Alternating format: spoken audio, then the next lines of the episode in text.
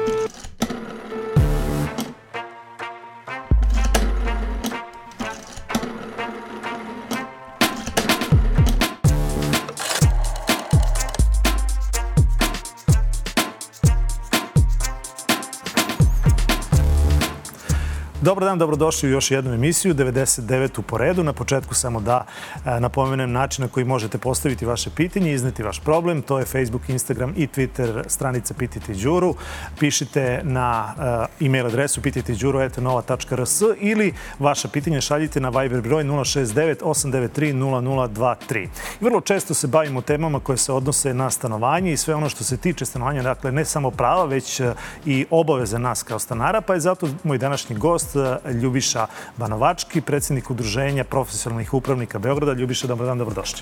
Dobar dan, hvala na pozivu. Mnogo je tema, zato ćemo ići e, što je brže moguće, to jest da, da, da e, objasnimo e, dosta toga. Dakle, od 2017. ja sam pronašao podatak da je Privredna komora Srbije izdala 1674 licence za profesionalne upravnike. Ali sam takođe našao jedan podatak koji kaže da sve manje ljudi želi da ide u profesionalne upravnike. Jesmo li mi onda sa uvođenjem profesionalnih upravnika uh, unapredili sistem stanovanja ili smo ga možda ipak unazadili ili bilo bolje ono u vreme socijalizma? Pa u svakom slučaju smo ga unapredili. Što se tiče samih profesionalnog upravnika i završavanje dobijanja licenci, u startu je to bilo interesantno novo zanimanje. Neko nije prepoznao koja je uloga profesionalnog upravnika. Mislili su da su to više oni house majstori, neki majstorski poslovi, popravljanje vrata, šarke, elektroinstalacije. Tako se dosta ljudi prijavilo za profesionalne upravnike iz razloga da održavaju zgradu.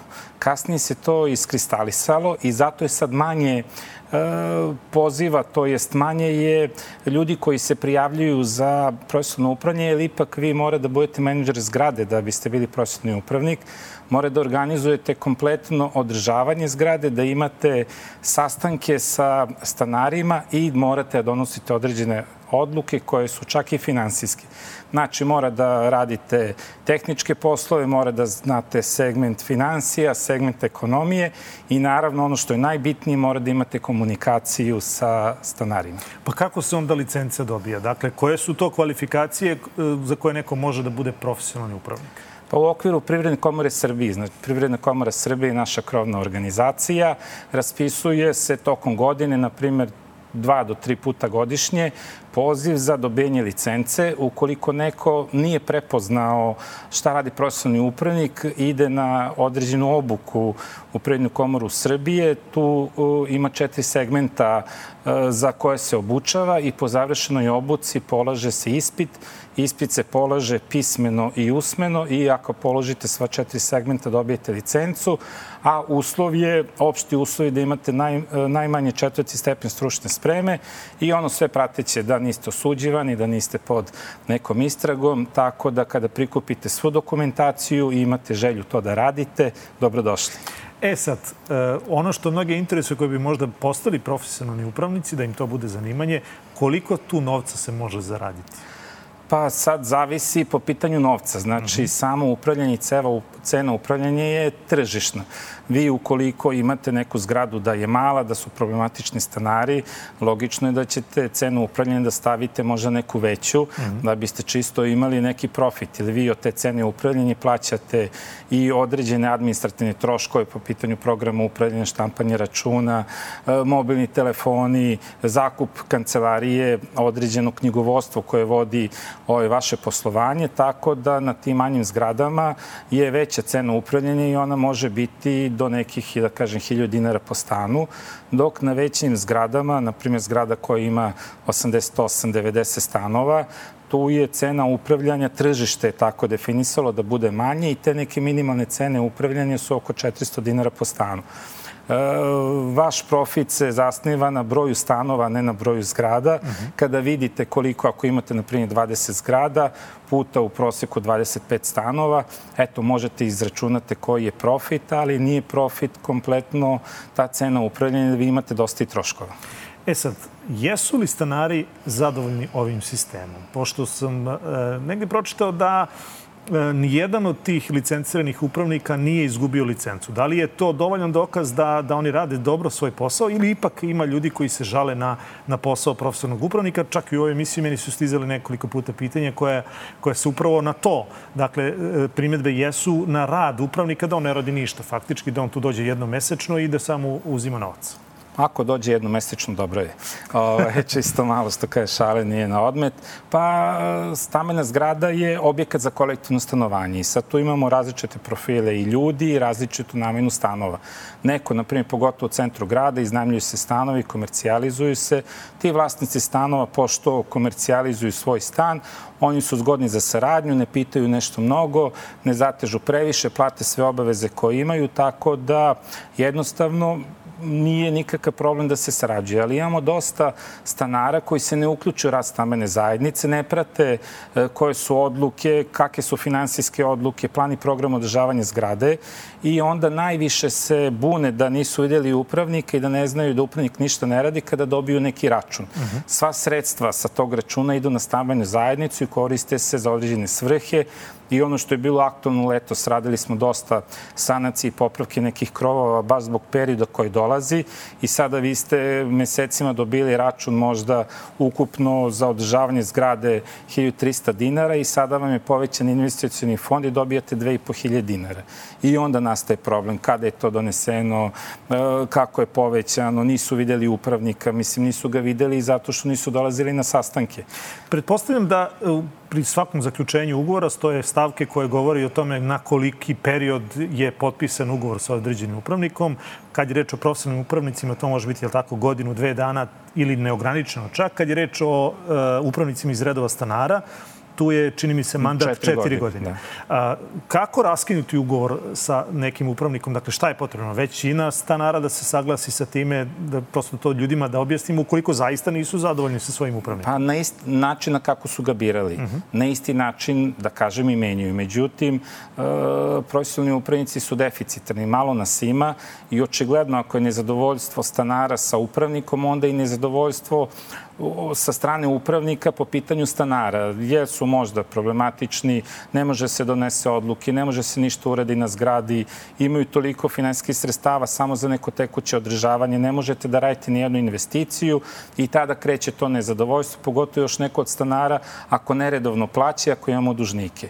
E, stanari kad su nezadovoljni pozovu nas upravnike, mi zakažemo sastanak, kažu nezadovoljni smo sa vašim radom, donesu odluku da se raskine ugovor sa upravnikom i sa organizatorom, mi to odnesemo u opštinu, platimo taksu i jednostavno više nismo upravnici na toj zgradi. U roku od mesec dana oni su dužni da izaberu novog upravnika. Da li će biti upravnik iz redova stanara da im je potrebno 50% saglasnosti vlasnika stanova ili će birati novog profesionalnog upravnika sa dve trećine izbori na njima. Ako ne izaberu u roku od mesec dana upravnika, onda će im jedinica lokalne samouprave dodeliti prinudnu upravu. E sad, kad to pominjemo, dakle, imamo iz redova stanara i imamo vas profesionalne upravnike. Međutim, postoji li neka statistika koliko u Beogradu, pošto ovde sad pričamo o Beogradu, ili ste vi ispred tog udruženja, koliko u Beogradu procentualno bar ima zgrada sa upravnicima i jednim i drugim, svejedno, a koliko još ima zgrada, da li postoji taj registar gde, da znate koliko zgrada apsolutno nema upravnika, nego to tako brinu stanari kako ko naiđe? Da, pri katastru postoji jedinstvena registracija stamene zajednice. Vi kada uđete na određenu adresu, određenu opštinu, ne samo Beograd, nego bilo gde u Srbiji, vidjet ćete da li je upravnik iz redova stanara ili je profesionalni upravnik a takođe ćete videti ukoliko zgrada nema e, upravnika da polje gde je upravnik stoji prazno. I šta onda? Pa, je li to obaveza? E, obaveze, znači od 2017. je obaveza da svaka stambena zajednica ima upravnika, tada jedinica lokalne samouprave prva, znači na konto e, neko komunalne inspekcije kada prođe i vidi da ovaj, zgrada nema upravnika, onda komunalni inspektor nalaže rešenje i tim rešenjem se postavlja prinudna uprava ili stanari sama, znači bitno je vlasnik stana da preda opštini jedan zahtev i da traži, pošto ne mogu da se dogovore, da se usaglase oko izbora upravnika, da traži prinudnu upravu. Do skora je bio, da kažem, do prošle godine odnos uh, upravnika iz redova stanari profesionalnih upravnika 60 naprema 40, znači u 60% zgrada su bili upravnici iz redova stanara, Međutim, kako je protekla četvrta godina upravljanja, mnogi su 2018. godine podali taj zahtev, znači 22. im je isteklo četiri godine, većina njih nije htelo da se prihvati da i dalje budu upravnici, jer su videli kakvi su to obaveze kad je pucanje cevi, mora čekate majstore, vikendom svi idu na izlet, zova stanari non stop, e, kad kažete da nemate vremena, kao pa što si odobra da budeš upravnik. O upravnici iz redova stanara volontiraju, znači oni ne naplaćuju svoje usluge kao što mi ovaj, profesionalci naplaćujemo, tako da se sad da kažem, za ti neki godinu i po dana promenio odnos. Sada je otprilike 60% profesionalnih upravnika, a 40% upravnika iz redova stanara. E, iako ste rekli zašto ljudi beže od tog posla, e, možete li izdvojiti još neku činjenicu koja, koja rekao ste malo pre da ste deficitarni? Zašto je to tako? Pa zato što prvo vaša obaveze mora da budete uh, iz više oblasti da imate široko znanje morate da radite primjenu zakona, jer sada tačno ako donesete neku odluku, odluka je finansijskog karaktera. I ako je donesete sa dobrim kvorumom, neko ko se žali, znači može i da tuži vas i stamenu zajednicu. Ako izgubi na sudu, to je baš velika greška. Vama može da dođe novčana kazna, može da vam, da vam se zacrveni licenca tamo, da kažem, na Prirodnoj komori Srbije, može da dobijete penale, jer mi profesionalni upravnici imamo osiguranje od profesionalne odgovornosti. Znači, prva stvar da prepoznajete zakon. Druga stvar, mora da prepoznate kvar. Ako negde u stanu javi vam se vlasnik stana i kaže curi voda, gde curi, da li iz plafona, iz ćoška, kuhinja, kupatilo, da li to neki lokalni kvar, da li je sifon? Ili ono najčuvenije pitanje, nemam struju u delu stana pogledajte tablu s osiguračima kod vas u stanu, ako su svi u redi, pogledajte u hodniku da, da nije jedna faza. Da. I mislim tako da vi ko upravnik mora da prepoznate određeni kvar i da brzo reagujete, jer vi kada pozovete majstora šta ako curi voda od grejanja, vi ste zvali vodoinstalatera. Znači, prolongirat ćete, voda će curiti i dalje, bit će neka šteta i definitivno zbog toga većina ljudi se opredeljuje možda za neke jednostavnije poslove. Ako ja dobro shvatam, znači zaključak je da je bolje imati profesionalnog upravnika, na kraju kraja on nas dođe jeftinije, nego neko ko je priučen i ko samo želi da ima neku titulu u, u, okviru stambene zajednice. Pa jeste, evo i ovo sad što je aktualno ove godine, prošle godine, na primjer, imamo e, neka bespovratna sredstva koje daju jedinice lokalne samouprave, na primjer, daću primjer Stari grad je zadnje tri godine dao po 300.000 dinara po zgradi. Ali to nije da vi odete kod predsjednika opštine kao oni stari predsjednik kućnog saveta, napišete na parčetu papira potrebna su nam sredstva, e, već je sad, znači vi mora da aplicirate, mora da popunite kao stamena zajednica određene formulare, mora da date e, menicu iz banke, banično, ba, e, bankovsko ovlašćenje, mora da imate definisane fondove na zgradi, tekuće investicijalne žavanje, izvod sa računa, mora da dajete neko učešće za radove, znači za koje aplicirate za tih 300.000 i ono u većini slučajeva, evo da ne pretaram, 90% upravnika iz redova stanara nije uspelo uspešno da aplicira i nisu dobili ovaj, ta sredstva, dok pa onda kajem 98% profesionalnih upravnika je to apsolutno dobro uradilo, pogotovo što mi imamo sastanke i sa jedinicom lokalne samouprave i dobijamo sva objašnjenja kako da apliciramo i su to budžetska sredstva. Šta donosi izmena novog zakona o stanovanju? Pa izmena i dopuna zakona o stanovanju donosi dosta ti pozitivni stvari kako za upravnike, tako i za same vlasnike stanova. Na primer, više stanari neće birati upravnika pojedinačno e, sa imenom i prezimenom, već će birati organizatora prostornog upravljanja, jer i onako mi kao organizatori potpisujemo ugovore sa stamenom zajednicom. Mi sad smo imali problem ako upravnik odustane od posla, jednostavno e, e, mora da se menja rešenje, da se bira novi upravnik u okviru istog organizatora. I to je bila veća administracija Takođe su definisani i određeni delovi zgrade, to je zanimljivo za nove zgrade koji su bili zajednički delovi, ali nisu ko na starim definisani kao podrumi i tavani. Sada će to biti neke ostave, na primjer, koje su garažama, definisane kao posebni deo i vi ćete ko stambena zajednica moći to da koristite, da ćete da komercijalizujete ili ćete koristiti za svoje potrebe. To je već odluka stambene zajednice.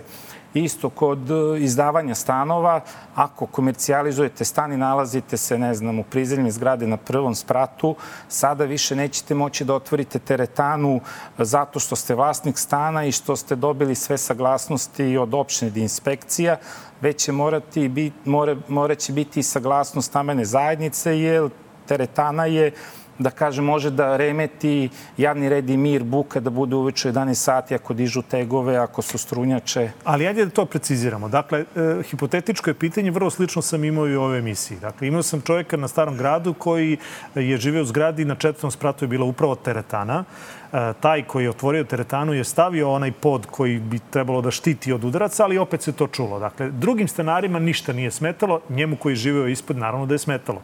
I on nije imao potrebnu većinu I pretpostavljam da onda ni sada neće imati potrebnu većinu ako je on jedini kome to smeta i jedini kome se buni, ko se buni da, da ta e, teretana ne bude na četvrtom spratu. Šta onda? Da, da sad tačno piše u predlog znači, tog člana gde mora saglasnost da i taj prvi komšija, da li susedni zid, da li je ispod. Znači, da li ako znači komšija, to da ako on jedini ne, ne da, da od toga nema može, ništa? Ne može da bude teretana. Ok, to je onda dobro. Isto, na primjer, ako su neke ordinacije gde je e, frekventna posećenost e, tih pacijenata, isto će biti potrebna saglasnost stambene zajednice, dok, na primjer, za advokatske kancelarije ili može turističke agencije, to će ići brže i tu neće biti potrebna saglasnost zato što nije non stop, da kažem, prohodnost. Da li ovde govorimo o tome šta će biti? Dakle, kada ja sad želim da otvorim neku agenciju na četvrtom spratu u stambenoj zgradi i ako ne dobijem saglasnost e, stanara od tog posla ništa, šta sa onima koji tu već postoje? Dakle, to možemo da vidimo na svakoj opštini sve, sve više toga.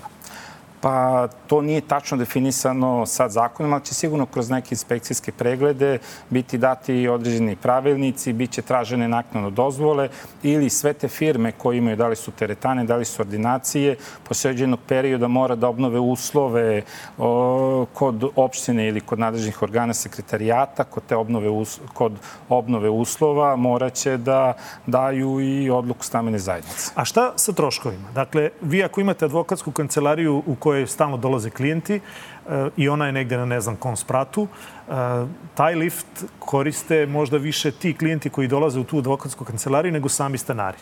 Oni kao jedna stambena jedinica, je tako, plaćaju infostan, plaćaju svi, isto koji svi ostali? Ko svi ostali. Pa evo imamo baš, ja imam slučaj na jednoj mojoj zgradi, advokatska kancelarija je na trećem spratu i dolaze klijenti, možda ne baš toliko često, ali definitivno više koriste lift ili preljaju stepeništa od ostalih i u praksi se pokazalo da kada se obratimo vlasnicima e, tih e, agencija, advokatskih kancelarija, e, ordinacija, uvek izađu susret da li će da plate da se okreće ulaz, da li će da plate mašinsko čišćenje zgrade, ili njima je u interesu da, da, ostanu, tu. da ostanu tu, da zgrada bude čista, njihovi klijenti da se ležernije osjećaju, tako da u većini slučajeva Šta kad ne? nemamo problema.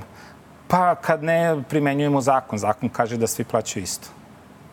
Znači, znači nikom isto će, pa nikom ništa. Isto će platiti i taj zakupac uh, uh, stana, isto će platiti neko ko živi u, u stanu.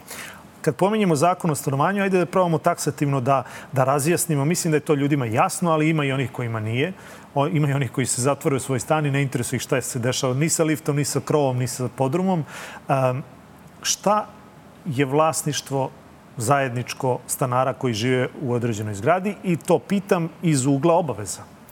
Pa evo to čisto onako plastično da vam objasnim. Većina nas, vlasnika stanova, uvek voli kada mu dođu gosti, pa od ulaznog praga, kao otvori stan je, evo ovo sam kupio, ovo sam sredio, ovo sam renovirao, ovo sam okrečio, tako da se zna šta je vlasništvo, znači vlasništvo stana, ali isto tako kada vi ulazite u stambenu zgradu, znači taj ulaz u stambenu zgradu, ulazna vrata, hodnici, stepenište, lift, rasveta koja se nalazi u hodniku, poštanski sandučić, oglasna tabla, staklena svetlanicima, sve to zajedni, to su zajednički delovi zgrade, takođe i fasada i krov i troškove za to održavanje mora da plaćaju svi stanari tekuće održavanje je ono što svi plaćaju isto. U tekuće održavanje spada održavanje higijene, čišćenje zgrade, održavanje lifta, zamena cilindra, zamena stakla i to svi plaćamo isto nevezano e, koliki nam je stan. Međutim, investicijno održavanje, to su radovi koji poboljšaju, poboljšavaju kvalitet stanovanja, da kažem višegodišnje, ako radite neku fasadu, ako radite termoizolacije, hidroizolacije, popravljate krov i investicijno održavanje se plaća po kvadratu stana, jer e, kod izrade zakona rukovodilo se tome da veći stanovi zahvataju veću površinu fasade i pripada im veća površina krova, tako da to investicijno održavanje se plaća po metru kvadratnom, ali generalno mi uvek na sastanku stavene zajednice kod e, izvođenja određenih radova uvek pitamo stanare kod investicijonog održavanja da li hoće popravku krova da plate po metru kvadratnom stana ili su možda svi solidarni pa da plate po stanu. Jer mogu stanari da kažu u redu i hoćemo svi da plaćamo isto. Kad pominjete popravku krova, evo pre emisije prišao mi je kolega koji imao jedan problem kad je bilo ovo poslednje nevreme.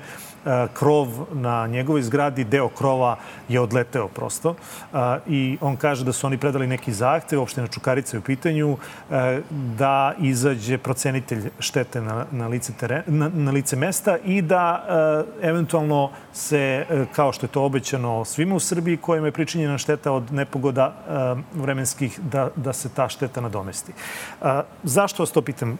Da li, koji su koraci ovde? Dakle, to je vremenska nepogoda, nije niko kriv, nego prosto tako je. Koji su koraci ovde i šta sa komšijama. Dakle, šta sa onim komšijama koji žive u prizemlju, koji, kojih ne interesuje krov? Isto tako, šta sa onim komšijama koji ne koriste lift? Dakle, da li su iz prakse, da li su ljudi svesni da ne mogu na taj način da dele odgovornost ni da eventualno učestvuju u, u zajedničkom finansiranju, u ovom slučaju popravke, recimo, krova? Pa u startu, kada smo krenuli da radimo 2018. godine, imali smo taj problem. Ko ispod krova, znači, ima najviše problema, ovi iz prizme, kaže, nas to ne interesuje. Isto po pitanju lifta, sad lokali neće plaći održavanje lifta kroz tekuće održavanje, ali e, oni su u zgradi, a zgrada je objekat za kolektivno stanovanje. E, tako isto ko ovo što, što si me pitao malo pre e, po pitanju popravke krova kada je elementarna nepogoda. Spletom okolnosti ova oluja je bila definisana kao elementarna nepogoda i bit će određena pomoć e, od strane ovaj, grada i jedinica lokalnih samouprava zbog toga da bi se videlo e, koliko je to štećenje, treba da izađu procenitelji i na osnovu toga će stamene zajednice dobijeti određena sredstva. Međutim, to sada ne odlaže neko izvršenje popravku krova jer sa svakom kišom potencijalna je još veća šteta. E, svaka stambena zajednica do sada bi već morala da ima u tom investicijnom fondu određena sredstva, da imaju da se krene sa nekim učešćem za e, popravku tu krova i za neku brzu intervenciju. Ukoliko nemaju, evo već je prošlo mesec dana, mogli su odlukom stamene zajednice kroz zadnje račune da povećaju taj fond nađe se firma koja će izvoditi radove, sa firmom se tačno definišu koji su uslovi plaćanja, da li može da ide na rate, koje rate, koji se koriste materijali, kakve su garancije za izvršene radove i tada po plaćanju nekih avansa firme počinju da rade. Vi kao vlasnici stanova možete da uzmete nadzor, stručni nadzor, da pratite radove, to su stručni nadzor, znači određeni veštaci, arhitekte koji imaju te licence, oni će tačno da vode građevinski dnevnik, overiti sve radove, a to vam pričam iz razloga ili sutra ako nešto ne bude dobro uređeno, a vi ste još dali pare, imate osnov da nekog tužite po osnovu ugovora da vam da nadoknadi štetu ili nešto, zato što smo imali posljednje vreme dosta nekih priučenih majstora koji daju neku manju cenu, ne urede radove kako treba, stanari su doneli odluku, izabrali e, te firme, nemaju adekvatne ugovore, a i dalje imaju štetu. Tako da u svakom slučaju popravka krova je obaveza svih stanara i plaća se investicijonog fonda. Imaju određene firme, pogotovo u Beogradu kao što je Gradsko stambeno, koje imaju ugovore sa stamenim zajednicama za održavanje. U tim slučajevima vi njima ovaj, podnosite zahtev za sanaciju tog krova oni će dati predmer i predračun koliko to košta i to može čak da ide i do nekih 50 rata da se plaća. Kad pominjete gradsko stambeno, vrlo često kažu da njihove usluge idu i, i da su duplo skuplje u odnosu na neke e, usluge drugih e, kompanija, ali oni se pravdaju time da oni garantuju za svoje radove, da mogu da daju ljudima da plaćaju na rate i e, da je to nešto što je sigurno iza čega stoji jedno javno preduzeće. S druge strane imate privatnike sa kojima stambena zajednica sklapa ugovor, je tako? I na neki način ono, oni jesu u samom startu jeftini, ali na kraju, ukoliko nisu dobro odradili priču, vi ćete doći do suda pa će vas to izaći skuplje. Ali šta raditi u slučaju kada ništa ne funkcioniše kako treba u određenoj stambenoj zajednici? Recimo, pretpostavimo da ovi ljudi niti imaju ugovor sa gradskim stambenim, niti imaju izabranog e, upravnika zgrade, niti imaju sredstva na računu, bilo kakva a evo zima će vrlo brzo. Dakle, šta tom vlasniku stana koji je ispod krova, e, šta njega savjetovati? Uzeti pare odmah od stanara, pa onda krenuti e, e, ili šta raditi? Pa i mi, profesionalni upravnici, kada imamo neki nedoumica, ne znamo čije je nadležnost, gde se prepliću nadležnosti, kome da se obratimo, uvek imamo otvorena vrata u jedinici lokalne samouprave kod određenih inspekcija. Konkretno, u ovom slučaju zadužena je građevinska inspekcija. Građevinska inspekcija je na nivou grada, znači nije na nivou opština kao što Kao su pre bili. Dobro. Vlasnik stana će da ode, nevezano da li ima upravnik iz redova stanara, e, profesionalnog upravnika, da li je njima pisao više puta, obraćao se za neku pomoć stanarima i prijavit će se, pošto to očigledno nije imalo efekta do sada, napisat će jedan dopis građevinskoj inspekciji, odneće kod njih predaće na pisarnicu, sve će ovo da obrazloži, da je vlasnik stana, da mu prokišnja, prokišnja od krova, situacije koja jeste, stavit će neku sliku, e, te štete koje ima u stanu i e, građevinska inspekcija će veoma brzo da izađe na teren i oni će dati određeno rešenje, to jest naložit će mere. Mere se uvek nalažu zakonski stamenoj zajednici. Ukoliko postoji upravnik, tražit će od upravnika plan i program održavanja zgrade i tim planom i programom da li je predvideo tu sanaciju krova i popravku. Ako je upravnik to predvideo, a stanari neće da donesu finansijsku odluku, to je da povećaju fond, onda će stambena zajednica da plati kaznu, te kazne idu i do 150.000 dinara. Tako da ako imaju nešto na računu, bit će im skinute pare i ostaće im naložena mera da mora da završe e, te radove. Ukoliko upravnik ništa nije preduzeo, i nije napravio plan i program održavanja zgrade, nije se javljao dotičnom vlasniku, upravnik će biti kažnjen i bit će mu naložena mera da sprovede kompletnu proceduru da bi se e, izvršila sanacija krova. Malo pre smo pomenuli fasadu i vrlo često je bilo pitanje ko je odgovoran kada se sruši fasada i ne daj Bože nekoga pogodi, nečiji automobil uništi, dakle načini neku e, štetu. Dakle, ko je tu odgovoran? Jesu li svi solidarno odgovorni ili je odgovoran upravnik zgrade šta kad ga nema? Pa to su slučajevi koje vidimo svakodnevni. Znači svakog dana se obruše neka fasada. Imali smo skoro čak na Novom Beogradu pao je i komad betonske terase. Sva sreća u veoma malim slučajevima je e, neko povređen, jer je tu bitna i bezbednost i prolaznika i vlasnika stanova. Kod e, takvih, e, u tim situacijama gde što se tiče fasade, svi stanari su solidarno odgovorni i svi plaćaju štetu sada e, fasada neće da otpadne odjednom i fasada, evo na novim zgradama, nikad se nije desilo da posle ne, dva meseca otpadne fasada. Fasada otpadne posle 50-60 godina ako je niste e, obnavljali, ako ništa niste radili, znači prepustili je sam u sebi, pogotovo na starim zgradama gde imamo onaj malter i ciglu. I ono što je veoma bitno da novim izmenama i dopunama zakonama, da i u sadašnjem zakonu isto stoji da stamena zajednica može da ima osiguranje, da se osigura prema trećim licima, pa ako nešto i padne sa zgrade, da ne plaćati štetu, jer imali smo dosta situacija gde se fasada ili sneg sa krova obrušio dole na kola. Sva kola koja su kasko osigurana po automatizmu Znači, e, kasko osiguranje, te osiguravajuće kuće šalju izvršenje stamenoj zajednici i to su baš velike svote gde su ljudi odjednom zatečeni i to su stvari koje se na sudu, da kažem, ne dokazuju, odmah idu na izvršenje. E, Pomenu smo malo pre i liftove i e, mislim da ste rekli 50-60 godina ne odnose liftove nego na, na fasade, ali koliko se sećam u starom zakonu je e, postojalo koliko određeni lift ima e, rok trajanja. E, ima li to sada u novom zakonu i šta sa zgradama koje su stare, sagrađene posle drugog svetskog rata, ima ih i pre drugog svetskog rata i koji imaju one stare liftove, a i dalje funkcionišu? Dakle, mogu li ti liftovi biti i dalje tu ili je neophodno da ta zgrada, ta stambena zajednica ugrađuje novi? Pa što se tiče tog roka trajanja lifta, nijedan ne može da traje, da kažem, do beskonačnosti, ali ako vi održavate lift, radite određene popravke na, list, na liftu, na primjer, da li su e, popravke po pitanju elektronike, po pitanju, ne znam, e, same nosivosti lifta, mašinskih instalacija, vođica, sajli, e, menjate kabinu, znači to je i dalje isti lift, ali vi ste radili određene remonte i njemu ste produžili vek trajanja.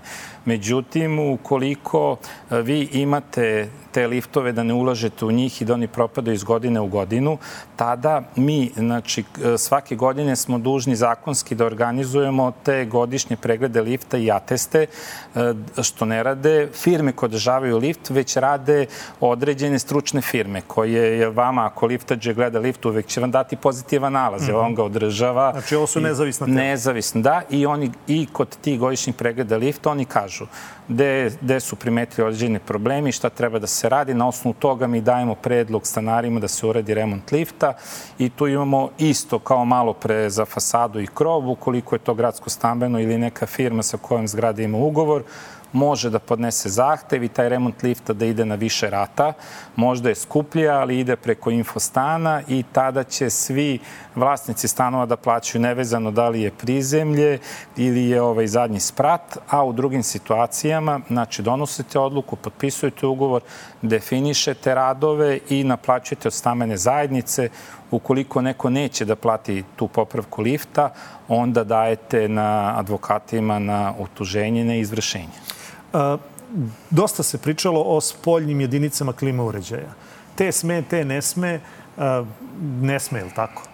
Pa kad god je nešto aktuelno u društvu, onda i, i neke negativne stvari, tada se bavimo klimama i spoljnim jedinicama. Spoljne jedinice, one su nama samo, da kažem, estetika. Da li će vama zgrada estetski da izgleda malo lepše ili ne, znači to nije najveći problem nas upravnika. Jeste zgodno da te ovaj, e, spoljne jedinice budu možda sa dvorišne strane, budu sa strane lođe i terasa ili budu na terasi sa određenim maskama. Znači nema zakonske obaveze? E, trenutno nema zakonske obaveze da ne sme da bude na spoljnoj strani u izradu i tom izmenom i dopunom zakona o planiranju izgradnji koji se naslanja na zakon o stanovanju, da u naredni 10 godina mora da se reši taj problem, ali ne možete vi tek tako da sklonite klimu. Znači, na novim zgradama je to uh, zgodno, zato što vi imate tačno tehničke instalacije kuda kanalice gde ide taj kondens, ulazi u kišnu kanalizaciju, predviđene su mesta gde će da se ta klima utipluje, tačno su klime definisane po površini stana kolike treba da budu, da nemate sad pet nekih malih klima, nego su to možda veće spoljne jedinice, a na starim zgradama da biste vi izmenili, e, pomerili tu spoljnu jedinicu, vi treba da uložite jedno deset puta više finansijskih sredstava, da napravite kompletnu logistiku za pomeranje te klime, pa tek onda da je pomerite. Veš na terasi, tu je isto bila isto popularno, isto većina nas to radi suši veš na terasi, pa je bila priča to će biti kažnjivo kao u ostatku Evrope. I to je već sad kažnjivo. Ali komunalni... Jel vi znate da je neko u vašoj zgradi gde održavate, to je gde ste upravnik, da je neko platio tu Evo, Evo, ja sam imao situaciju veša u hodniku, kada iznesu sušilice u hodnik i suše u hodniku. Dobro. I sad su ostali stanari bunili zbog vlage u hodniku koja nastaje pogotovo u zimskom periodu. Dobro. Znači, ja prijim komunalnoj inspekciji, to je direktno kršenje e, kućnog reda i mira. Dok dođe komunalni inspektor, tog veša nema ispred, on dođe, nije zato ko veš ovaj, ispred i jednostavno nije plaćena kazna. Ako se plaća kazna, ona je 5000 dinara, to je mandatna kazna. Uh -huh. Isto tako i za veš na terasi, jer komunalni inspektor da dođe i da vidi sa spoljne strane veš na vašoj terasi, ne može da napiše kaznu, jer on vas mora da legitimiše, mora da vam pozvoni na vrata, mora da se predstavi, umeđu vremenu će deca da istrče na terasu i pokupe veš. Tako da... Vi ga vidite na špijunku i čim da, da, se da. to desi i kažete kupi veš. Isto je da kod toga, isto -huh. anegdota. Imamo i da, da ono, stolnjaci mrvice ne sme da se tresu ovaj, kroz prozor. Dok vi istresete, to je neko da čeka ono ispred zgrade odmah kad je doručak i da vam zazvoni na vrata. Znači, znači to je znači- ipak deo e, kulture stanovanja. Pa ipak je kultura, te stvari ne bi trebalo. Ako sušite veš, sušite ga znači u nivou terase koji nije da kajem na šipkama iznad, već u donjoj zoni da imate određene zidiće, se taj veš ne vidi. Znači on može da se suši na terasi na klasičnim sušilicama, ali ne da razvučete onaj štrik, ono pet komada, pa sve živo nakačite na štrik. Dobro. E sad, e, još jedna stvar koja e, kažu razmatra se uvođenje elektronske prijeve poraze za one koji izdaju stanove. E, kad to kažu razmatra se, šta to znači? Pa ono gde se mešaju te nadležnosti, gde većina ljudi misli da smo mi zaduženi za to praćanje stanara, prijava stanara, porezi oko stanova, ovaj, mi profesionalno princip konkretno nismo. Mi definišemo vlasnika stana na osnovu dokumentacije koja je info stanu i kako se on prijavio. Mi nemamo status službenog lica i ne možemo da ulazimo u stanove, pogotovo kada se izdaju podstanarima ili kada se radi stan na dan. Za to su zadužene turistička i komunalne inspekcije.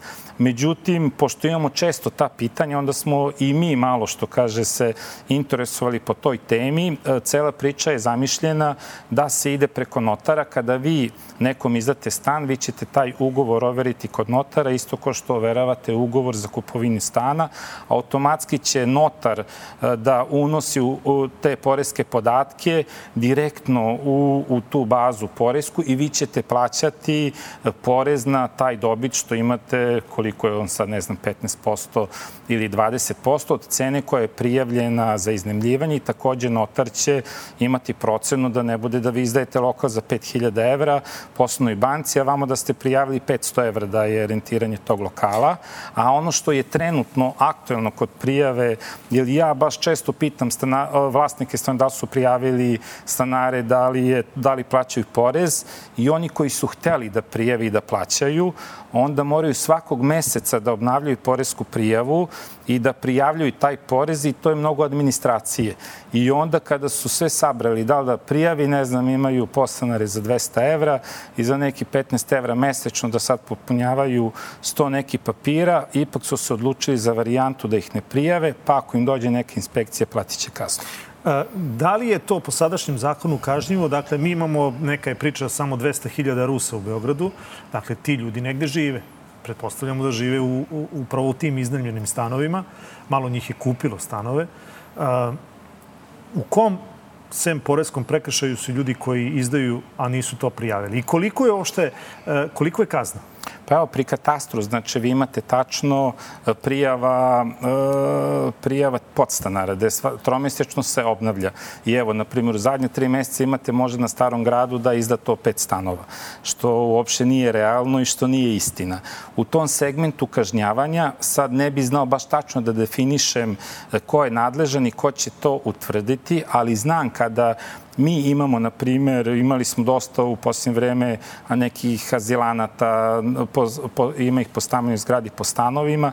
Mi smo to prijavljivali u Sekretarije za strance, gde oni vode evidenciju strancima da li su prijavljeni, da li nisu i obično svi oni imaju ugovor sa nekim e, vlasnikom stana, to jest agencijom. Jer u dosta slučajeva vlasnici stanova izdaju nekomu zakup stan i ne znaju da taj zakupac izdaju pod zakup. I, I zbog toga je bitno da taj vlasnik stana uradi tu poresku prijavu i sve prijavi, jer sutra će imati e, mnogo e, teže, da kažem, e, neke kazne i veće odgovornosti ukoliko to nije uradio. Baš u ovom slučaju bilo je 20 azelanata, vlasnik uopšte nije znao da su mu azelanti u stanu. Mislim da smo prešli sve što sam mislio da, da vas pitam. Ako sam nešto preskočio, bit će prilike i za gledalce i, i za, da se vidimo i drugi put. Hvala još jednom. Naravno, hvala i vama na pozivu. E, moj današnji gost bio Ljubiša Banovački, predsednik Udruženja profesionalnih upravnika Beograda, a broj telefona otvoren za vaše pitanje 069 893 0023, Facebook, Instagram i Twitter ili X stranica Pitajte Đuru i naravno pišite na e-mail adresu pitajteđuru.nova.rs.